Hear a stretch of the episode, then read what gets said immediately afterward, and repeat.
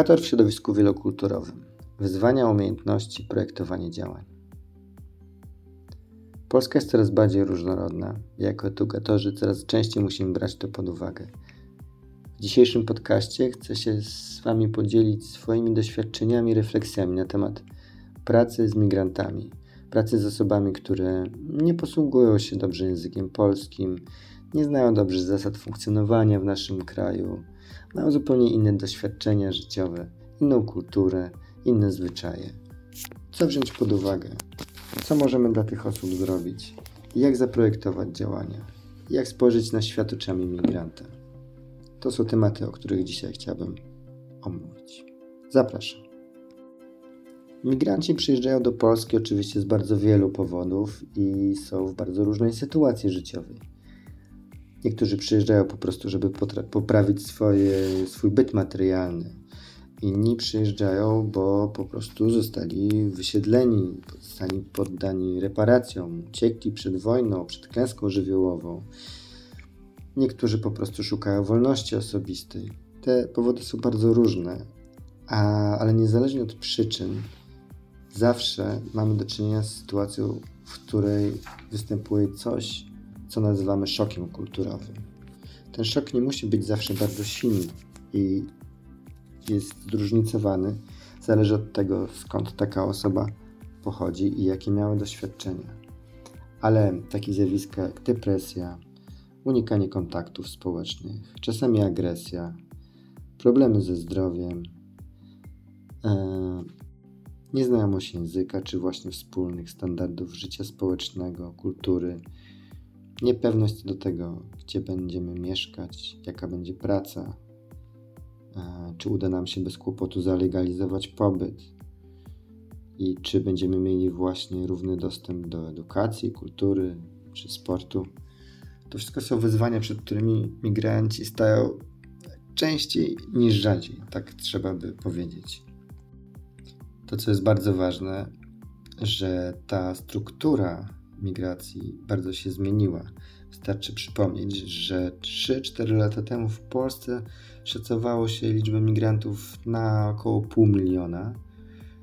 Po wybuchu wojny w Ukrainie ta liczba wzrosła do prawdopodobnie 3 milionów. Dziś pewnie trochę spadła, ale ogólnie w ciągu paru lat bardzo, bardzo wzrosła liczba migrantów, w tym uchodźców, więc zmieniła się bardzo nasza perspektywa i nasza struktura społeczna.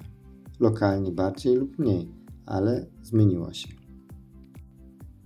Pracując z migrantami, zawsze zaczynamy właściwie od tego samego. Tak jak przy wielu innych projektach, warto zacząć od zadania sobie pytania o własne cele i motywacje. Co chcemy zrobić dla migrantów co chcemy zrobić dla środowiska lokalnego, które przyjęło migrantów.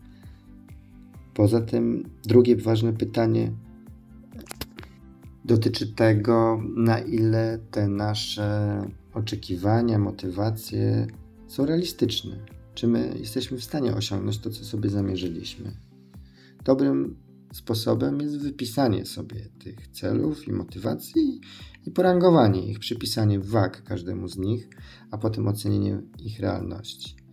Ważne jest to, żeby myśleć o tym, że nie damy rady zbawić wszystkich, nie damy rady pomóc wszystkim, wszystkim i też nie zawsze pomoc, taka jaką my sobie wymyśliliśmy, jest adekwatna jest rzeczywiście pomocą.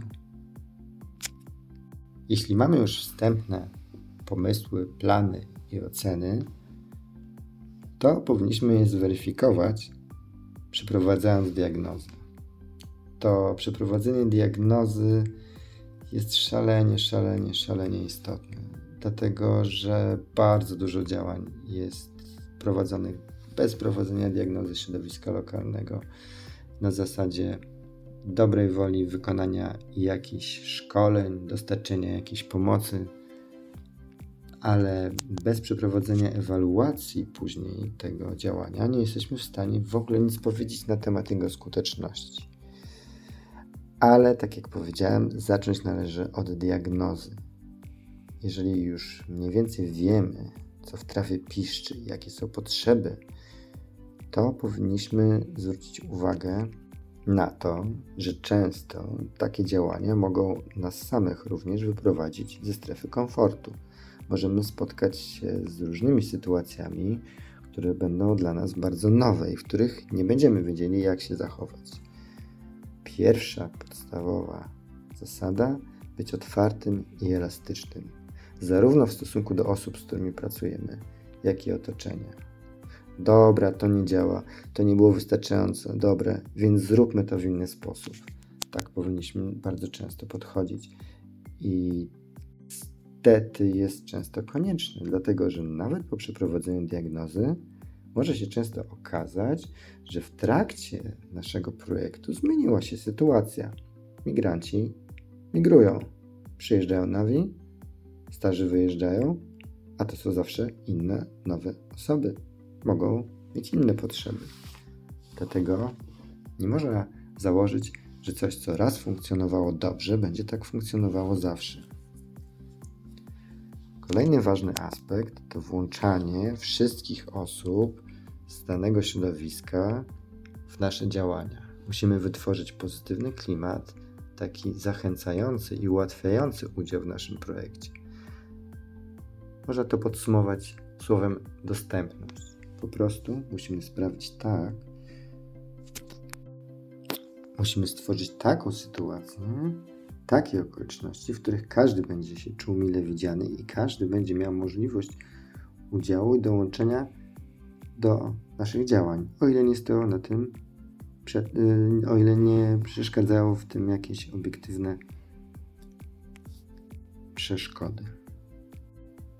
To my ale oczywiście także imigranci powinniśmy przy, być wrażliwi na to, że sytuacja jest nowa dla wszystkich i wymagająca. Czym jest wrażliwość kulturowa? To jest właśnie otwartość na to, żeby osoby z innych kultur na przykład w inny, w inny sposób ubierały się na treningu sportowym, przyzwyczajenie nasze do tego, że wszyscy przychodzą bardzo punktualnie, też trzeba zweryfikować, bo w innych kulturach może być różne podejście do czasu. Nie ma miejsca na to, żeby analizować, dlaczego tak jest, ale na pewno z tym się możemy spotkać. Osoby, które przyjechały do Polski z powodu wojen czy klęsk żywiołowych, którym bardzo trudną drogę przebyły do naszego kraju, bardzo często będą przeżywać trudne chwile, chwile depresji, mm, dłuższe okresy unikania kontaktów społecznych, będą chorować, będą przeżywać bardzo trudne momenty związane z powracającymi traumami. W związku z tym musimy być przygotowani na sytuację, w której na przykład uczestnicy naszych zajęć, szkoleń, warsztatów, treningów będą mieli niską motywację do tego, żeby w nich uczestniczyć. Albo będą uczestniczyć, ale nieregularnie. Albo będą uczestniczyć przez dłuższy czas, a potem nagle gdzieś znikną bez pożegnania. Nie podziękują. Nie będziemy wiedzieli, co się z nimi stało, bo być może po prostu wyjadą, bo do tego ich zmuszą okoliczności życiowe z naszej strony warto pomyśleć o tym, żeby im maksymalnie ułatwić także logistycznie, praktycznie udział w naszych zajęciach. Zadajmy sobie pytanie, czy miejsce, w którym organizujemy zajęcia jest łatwo dostępne? Czy czas, w którym organizujemy jest odpowiedni dla tych osób? Czy mają jak dojechać na te zajęcia? Czy w tym czasie ktoś zaopiekuje się ich dziećmi lub rodzicami? To szczególnie trudne wyzwania w przypadku wielu kobiet migrantek i uchodźczyń, bo to na nich zwykle spoczywa ciężar opieki nad rodziną, ale także kobiet dotyczy w znacznie większym stopniu ścisły kodeks zachowań, e, strojów, zasad zachowania się i odpowiedzialności właśnie za rodzinę. Być otwartym, być elastycznym, to znaczy bardzo często po prostu dużo rozmawiać z takimi osobami. możesz zadać wprost pytanie: czy byłbyś w stanie zrobić to raz w tygodniu, a może dwa razy w tygodniu? A może tylko raz w miesiącu byłbyś w stanie, czy byłabyś w stanie przyjść na nasze szkolenie? To są między innymi umiejętności międzykulturowe. Niektórzy, mm, można powiedzieć, wysysają to z mlekiem matki, a inni muszą bardzo ciężko się tego uczyć. Ale dobra wiadomość jest taka, że te umiejętności można rozwijać, tak jak wszystkie inne umiejętności. Przede wszystkim rozwijanie umiejętności międzykulturowych wymaga zdystansowania się do naszego normalnego sposobu, tego jak widzimy rzeczy, naszego normalnego sposobu zarządzania relacjami z innymi osobami. I wymaga zdania sobie sprawy, że są też inne punkty widzenia, których do tej pory nie znaliśmy lub być może z jakichś powodów nie akceptowaliśmy, ale które są tak samo ważne dla innych osób. Zdolność do efektywnej i takiej adekwatnej interakcji w określonym środowisku wymaga treningu, no i oczywiście też motywacji.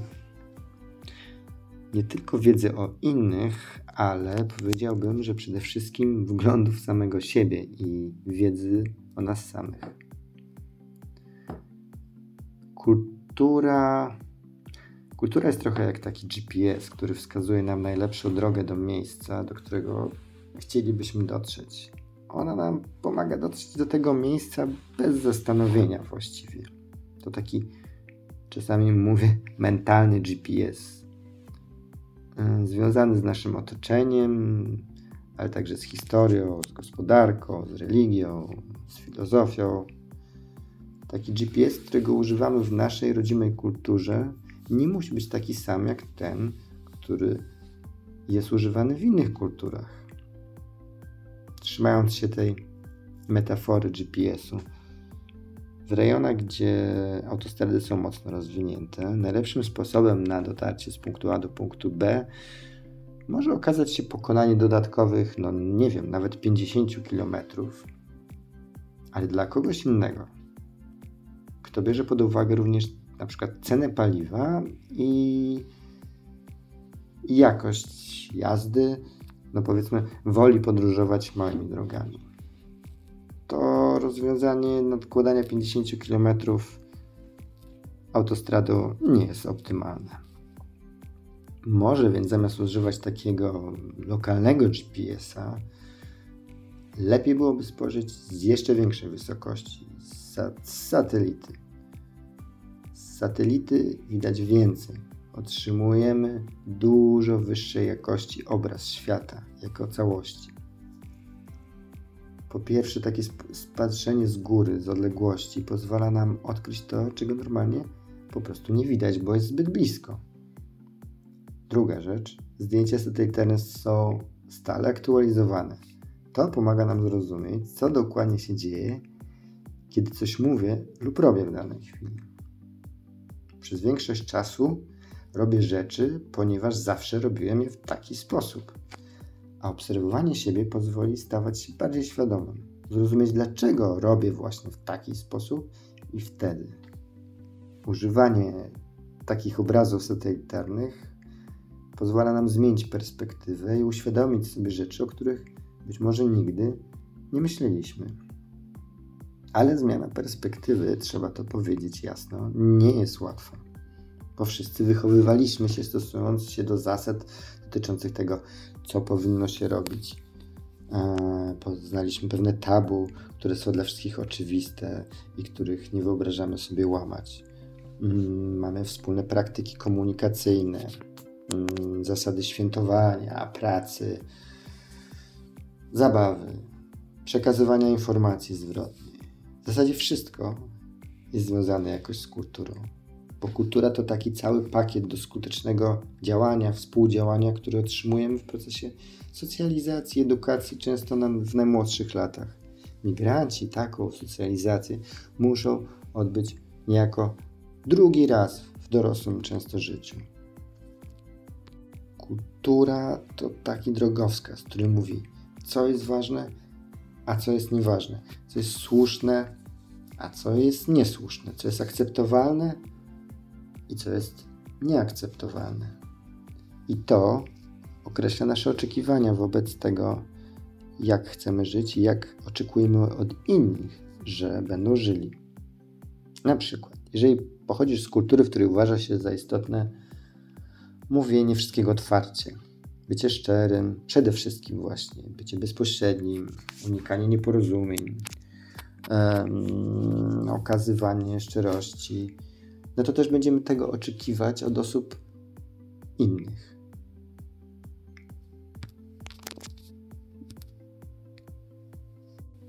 Ale jeśli pochodzisz z kultury, w której ważniejsze jest bycie miłym i upewnianie się, czy aby nie ranie drugiej osoby, to tamto postrzeganie, tamto zachowanie możesz postrzegać jako coś nieakceptowalnego, jako coś nienormalnego i vice versa.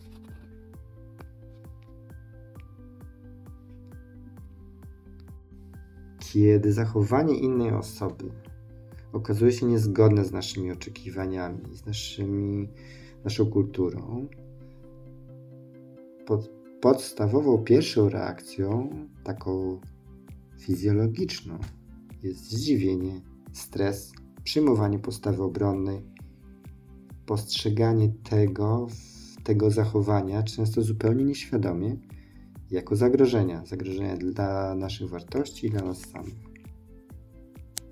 Prawda jest taka, że niewiele osób zastanawia się nad własną wrażliwością i umiejętnościami kulturowymi. Co zrobić? Jak się im przyjrzeć? Wydaje mi się, że fajną metodą jest spojrzenie na to poprzez pytania.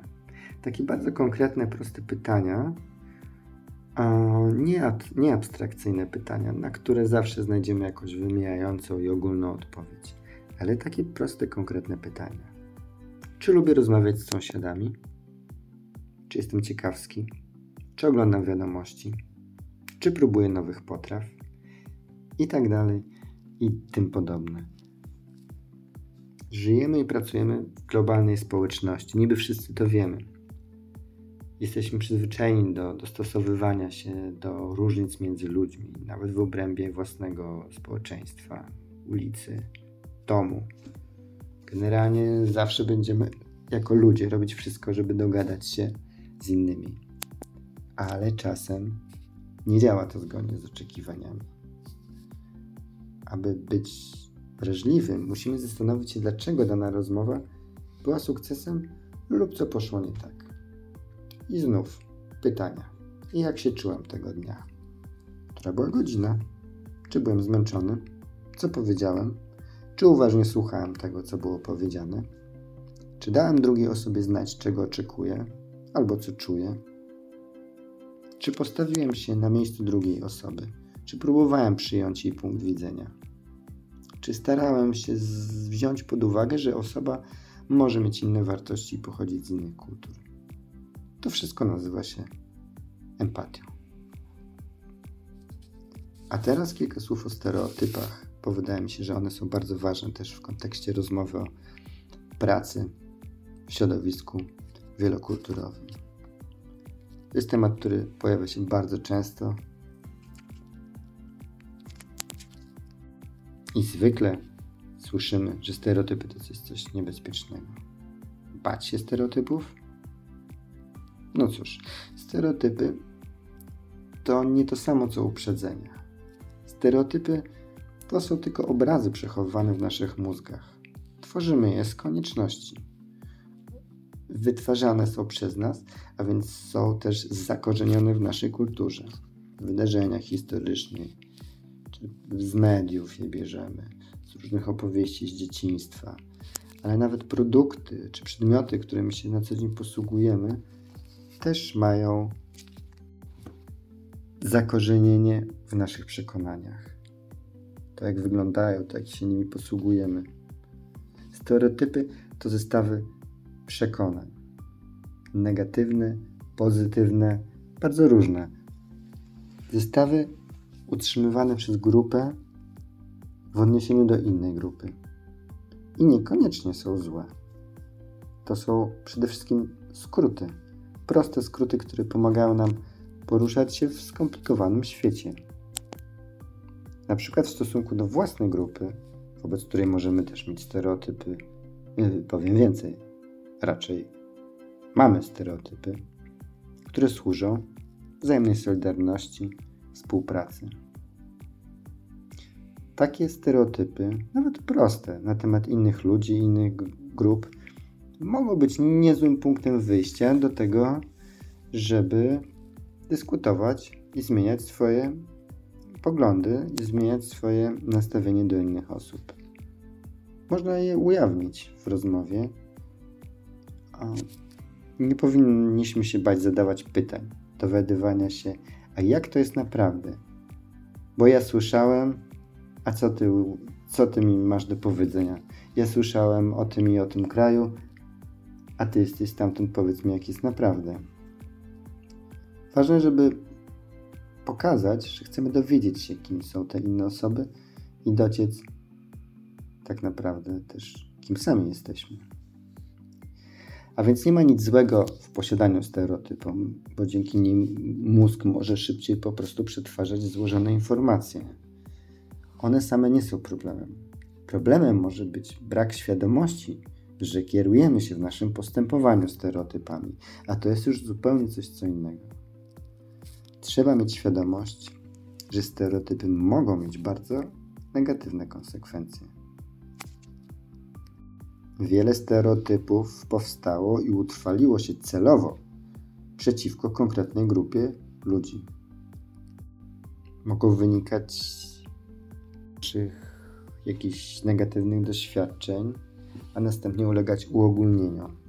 Tutaj jest olbrzymia rola mediów społecznościowych i to na pewno jest temat na osobny podcast.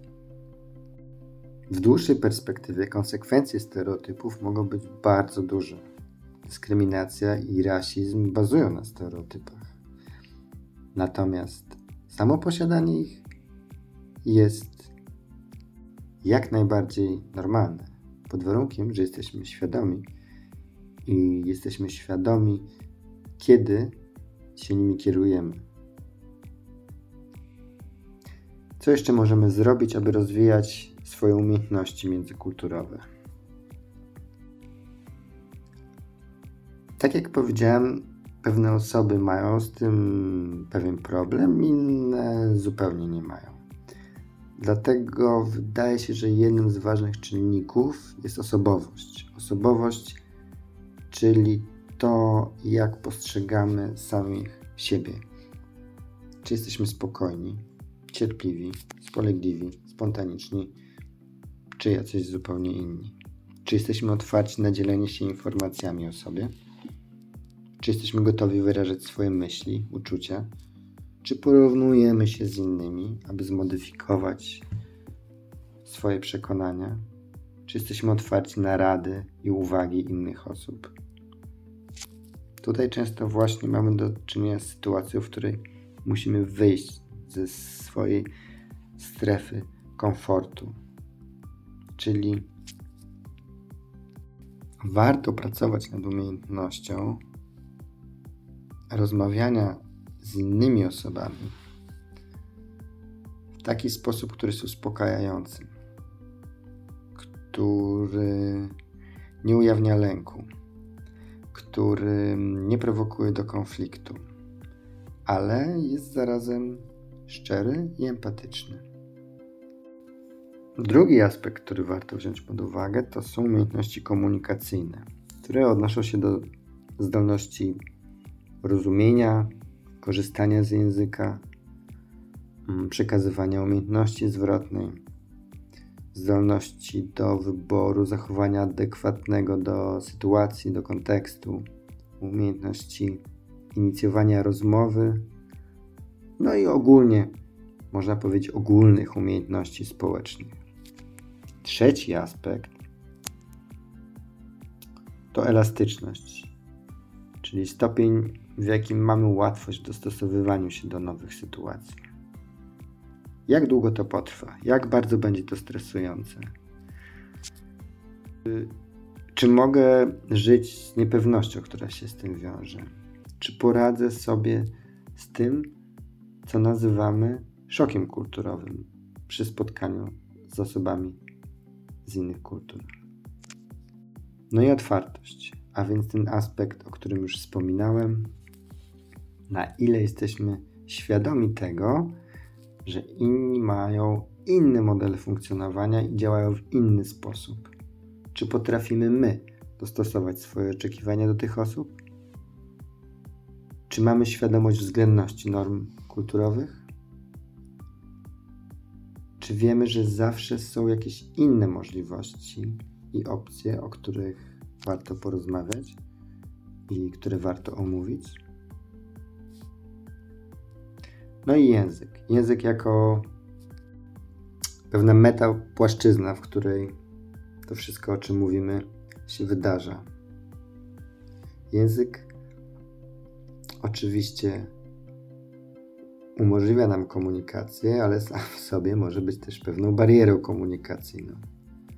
A oprócz samego języka, umiejętności posługiwania się danym językiem, te bariery językowe mogą dotyczyć stresu, przeciążenia emocjonalnego, braku jakiejś konkretnej wiedzy, ale także nawet hałasu. W gruncie rzeczy trudności w porozumiewaniu się są naturalne, nie są niczym wyjątkowym w żadnym środowisku. Po prostu trzeba być przygotowanym na taką sytuację, zwłaszcza jeśli ma się coś do, do przekazania, coś ważnego, tak jak w przypadku szkoleń, treningów, warsztatów i innych działań, które prowadzimy jako edukatorzy. Jakaś rada w tym zakresie? Wydaje mi się, że warto się skupić na rezultacie. Na rezultacie, który chcecie uzyskać. Na przykład upewnić się, że wiemy dokładnie, jaki jest cel i że nas nic po drodze nie będzie rozkojarzać. Podczas rozmowy, podczas interakcji z innymi osobami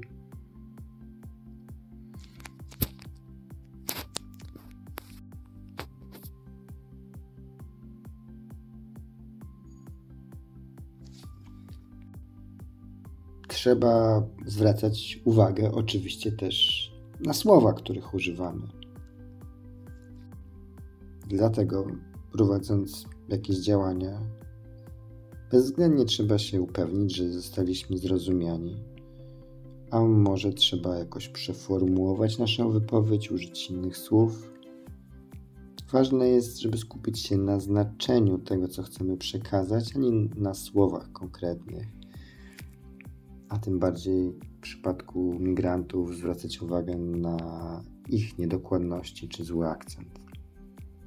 W takiej sytuacji, pamiętajmy, obie strony mają utrudnione zadanie. Dlatego jeszcze raz, warto być cierpliwym, otwartym, tolerancyjnym. Czasami, kiedy sprawy nie idą dobrze, kiedy nie idą po naszej myśli, warto się po prostu uśmiechnąć, wzruszyć ramionami.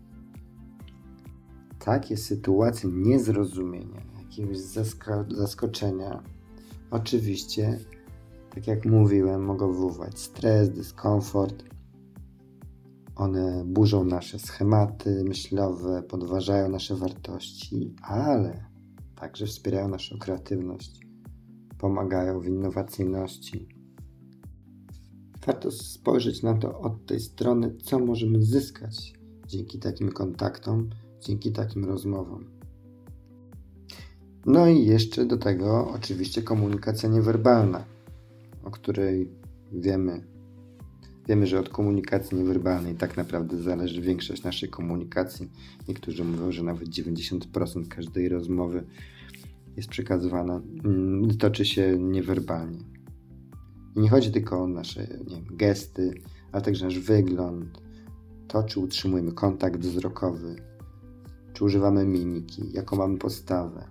Czy dotykamy się nawzajem, jaki mamy ton głosu, jakie odległości zachowujemy w trakcie rozmowy, jak postrzegamy i używamy czasu. Komunikacja niewerbalna może czasem zastąpić komunikaty mówione niemal całkowicie lub wzmocnić je, uściślić nasze intencje, wzmocnić nasze relacje. To dlatego emotikonki cieszą się tak dużym powodzeniem. Nie trzeba słów, aby je zrozumieć przecież. Właśnie na tym polega komunikacja niewerbalna, na rozumieniu emocji bez słów. I teraz warto pamiętać, że istnieją też bardzo duże różnice właśnie międzykulturowe w tym, jak komunikujemy się niewerbalnie. Na przykład oczy. Oczy mówią bardzo dużo o tym, co się dzieje z nami, ale ta kultura oczu jest być może odmienna w różnych kulturach. Na przykład w Ameryce Południowej intensywny kontakt wzrokowy może być e, odbierany jako lekceważenie. W Rosji to jest dowód szczerości. Chinach, Japonii, Korei, na Dalekim Wschodzie kontakt wzrokowy ma mniejsze znaczenie, ale w USA na przykład jest szalenie ważny. A więc warto być tutaj czujnym, bo komunikacja niewerbalna może też sprawić, że zrobimy na kimś złe wrażenie. I należy mieć świadomość tego ryzyka przed rozpoczęciem rozmowy, aby ewentualnie wyczuć, kiedy sposób postrzegania nas zmienia się. No więc może wydawać się, że taka komunikacja międzykulturowa, komunika niewerbalna komunikacja międzykulturowa może być stresująca, ale w gruncie rzeczy doświadczamy tego także na co dzień w swoim własnym języku i w kontaktach z Polakami i Polkami. Czasami wydaje nam się, że zrozumieliśmy o co chodziło naszemu rozmówcy, ale potem okazuje się, że wszystko pomyliliśmy. Wydaje nam się, że wyraziliśmy się jasno, ale nikt nie zrozumiał o co nam chodzi. Chcemy coś powiedzieć, ale ciągle nam przerywają. Chcemy wyrazić nasze uczucia, ale jakoś nie potrafimy znaleźć słów. Więc naturalne jest, że się tym frustrujemy. To, jaką mamy tolerancję na frustrację, to również jest dosyć indywidualna cecha. Jeśli mamy ją niską, to możemy dosyć szybko odczuć złość i agresję, co łatwo może przełożyć się na poczucie zawodu, a w konsekwencji na przykład nawet na porzucenie naszego projektu, naszych działań. Dobra wiadomość jest znowu taka, że można się nauczyć kontrolować własną frustrację. Jak to robić? Zadając sobie pytania, przyglądając się sytuacji, temu, co się wydarzyło. Dlaczego czuliśmy się sfrustrowani? Tu warto zapisać, po prostu zapisać odpowiedzi w taki dosyć precyzyjny sposób i powtarzać tę czynność przy każdej takiej sytuacji. Potem warto pomyśleć o jednej pozytywnej rzeczy w tamtej sytuacji. Myślenie o pozytywnych aspektach pozwala nam zmienić perspektywę. Taka niewielka zmiana w sposobie postrzegania danej sytuacji może poprawić nastrój, uświadomić, że nie ma w tym nic osobistego i pomóc nam ruszyć dalej z tematem. Warto też nastawić sobie taki sygnał alarmowy w głowie, który uruchamia się, gdy poczujecie, że poziom frustracji rośnie. Ostatecznie też frustrację trzeba troszkę czasem zaakceptować, bo to jest część procesu uczenia się, przekazywania wiedzy. Akceptując tę frustrację, podnosimy tolerancję na nią i z czasem łatwiej nam z nią żyć. Na koniec chciałbym wrócić trochę do planowania pracy w środowisku wielokulturowym. Powiedziałem już, że konieczna jest diagnoza, monitoring tych mm, naszych działań, mm, co można by podsumować tym, że po prostu wszelkie działania warto planować razem z ludźmi, dla których pracujemy. Warto planować warsztaty razem z beneficjentami. Zadawać im te pytania, na ile planowane zajęcia są adekwatne dla nich, na ile będą chcieli w nich uczestniczyć, na ile będą mieli z tym trudność. Pracując bardzo często mm, z osobami uprawiającymi amatorsko sport, z migrantami uprawiającymi amatorski sport, często widzę, że osoby te mm, podczas treningu, podczas różnych zajęć sportowych wyrzucają z siebie jakąś złość, jakąś frustrację. Mogą się pojawiać konflikty w grupie, a często te osoby poddają się, rezygnują, wydają się niezaangażowane. I często sobie zadaję pytanie, co mogę zrobić dla tych osób, co, jak mogę poprawić a, ich uczestnictwo w zajęciach. Nie mam mm, na podorędziu psychologa ani całego sztabu ludzi, którzy by w każdej kryzysowej sytuacji reagowali. Natomiast wiem, gdzie szukać psychologa. Wiem, gdzie szukać innych ekspertów, pomocników, wolontariuszy, specjalistów i innych instytucji, które mogą mnie wesprzeć. Dlatego uważam, że planując takie szczególnie większe projekty, bardziej przykrojowe, bo